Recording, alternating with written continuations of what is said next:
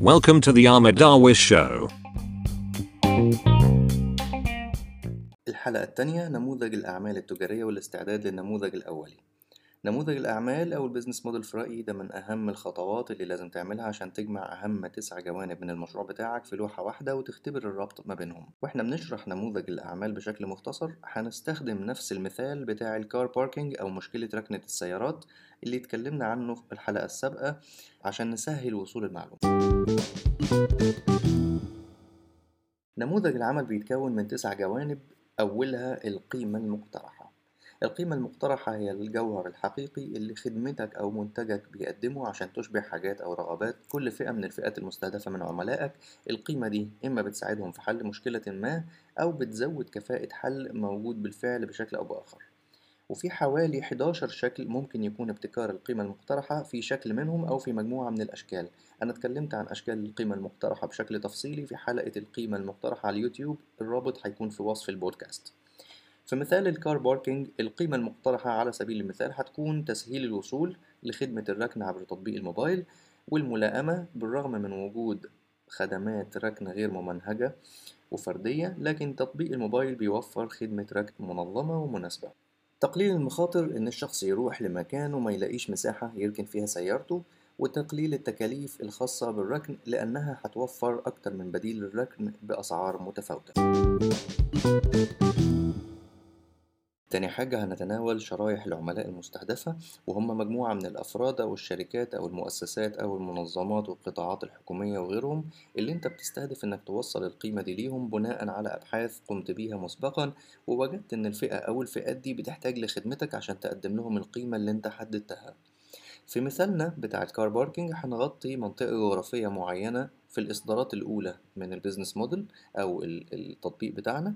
عشان كده هنقول إن الفئات المستهدفة هي فئتين أساسيين فئة المستخدمين أو المستفيدين وهم رجال ونساء أعمارهم ما بين 25 ل 60 دول موظفين بيشتغلوا في منطقة وسط البلد هي المنطقة الجغرافية اللي إحنا هنغطيها.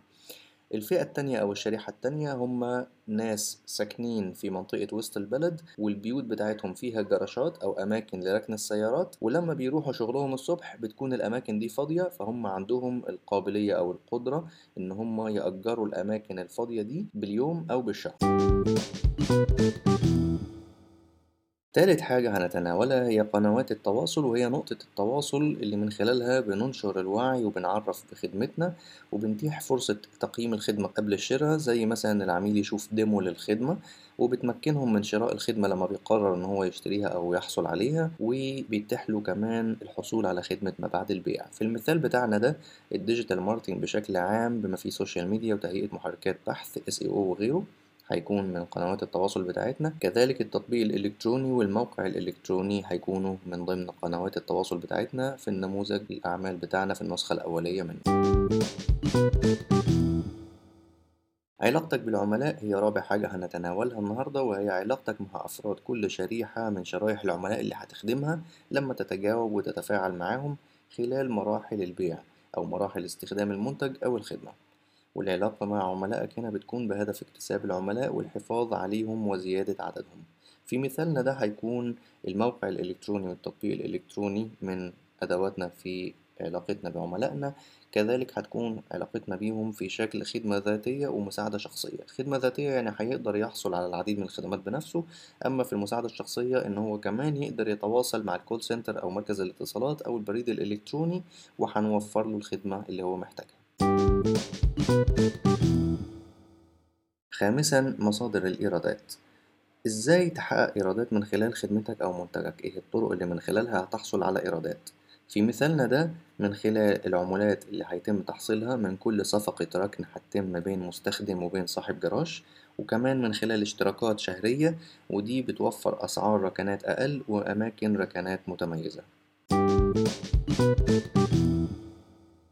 سادس حاجة هي الأنشطة الرئيسية وهي الحاجات الرئيسية أو الأعمال الرئيسية اللي واجب عليك أنت القيام بيها عشان تصنع أو توجد القيمة اللي إحنا هنقدمها لكل شريحة عشان ننجح نموذج عمل المشروع. في المثال ده هيكون من ضمن الأنشطة الرئيسية هما ثلاث حاجات بشكل أساسي إدارة وتشغيل التطبيق التطوير المستمر في التطبيق والتسويق.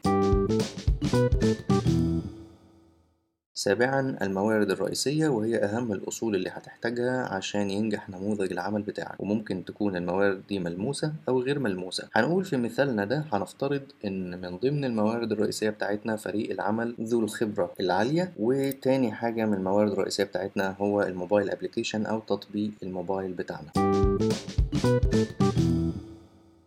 تامن حاجة الشركاء الرئيسيين. وهم الموردين والمصنعين والشركاء اللي هتحتاجهم عشان تقدر تقدم القيمة دي وتنقلها لشرايحك المستهدفة وتحقق منها إيرادات. في مثالنا ده هيكون من ضمن الشركاء الرئيسيين لنجاح نموذج الأعمال أصحاب الجراجات الحكومة والحي والمستثمرين. تاسع حاجة هي هيكل التكاليف. هي كل التكاليف المترتبة على تشغيل نموذج العمل والناتجة من قراراتك في إدارة الموارد والأنشطة والشراكات الرئيسية. في مثالنا ده وبشكل أساسي تكاليفك الأساسية في مثال الكار باركينج هتكون إدارة وتشغيل التطبيق التطوير المستمر في التطبيق والتسويق وخدمة العملاء. إحنا اتكلمنا بشكل مختصر جدا عن نموذج الأعمال التجارية. لو محتاجين تفاصيل أكتر ممكن ترجعوا لسلسلة الفيديوهات اللي على اليوتيوب. أنا شرحت فيها نموذج الأعمال التجارية وهتلاقوا الرابط بتاعها في وصف البودكاست ده. معلومات بقى مهمة عن نموذج الأعمال التجارية. الأمثلة أو المثال اللي خدناه في البودكاست المرة دي هنعتبره النسخة الأولى اللي يقدر أي حد ياخدها ويشتغل عليها ويحسنها مرة واتنين وتلاتة لحد لما يوصل لنموذج أفضل من اللي إحنا أخدناه في الأمثلة النهاردة. لازم تعرف إن نموذج الأعمال مش لازم يطلع مظبوط من المرة الأولى. كل حاجة أنت كاتبها في نموذج العمل بتاعك حتى الآن هي افتراضاتك أنت وفريق عملك. وهتحتاج إنك تختبر مدى احتياج الشرايح المستهدفة دي للحل اللي أنت بتقدمه لمشكلتهم. والتطوير والتغيير في نموذج العمل هو رحلة هتستمر معاك لفترة طويلة لحد ما تكتشف شركتك الناشئة الشكل المثالي ليها عشان تبقى شركة تجارية كبيرة. أهم حاجة أنا دايما بشدد عليها وبنصح بيها. أي نسخة تطلع بيها خدها وانزل السوق في أسرع وقت حتى لو هي مش كاملة أو مش مثالية من وجهة نظرك. رأيك مهم طبعا. لكن رأي جمهورك هو الأهم. افتكر إنك بتعمل الحل ده ليهم هم مش ليك أنت. حتى وإن كنت أنت من ضمنهم هم أكتر وهم الصوت الحقيقي للمشكلة. ودمتم. الحلقة الجاية هنبدأ في التنفيذ.